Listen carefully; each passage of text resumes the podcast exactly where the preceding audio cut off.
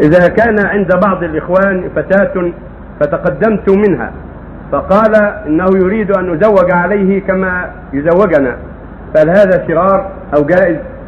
هذا شرار إذا تقدمت إلى زيد وقال نعم زوجك لكن بشرط أن تزوجك أختك أو بنتك. لا لا ما يصح النبي نهى عن الشرار وقال الشرار أن يقول الرجل زوجني بنتك وهو زوج بنتك أو زوجي أختك وهو زوج أختي. هذا هو الشرار وهو نكاح البدن فلا يجوز أن يفضي إلى يفضي إلى ظلم النساء وإلى فتن وإلى شرور كثيرة ويفضي إلى إسقاط المهور والتزويج بالفروض إلى غير ذلك.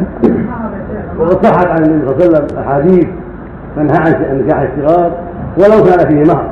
وقد كان بعض العلماء وقالوا إذا كان فيه مهر كامل مهر العادة كفاء وجاز ولكنه قول مرجوح.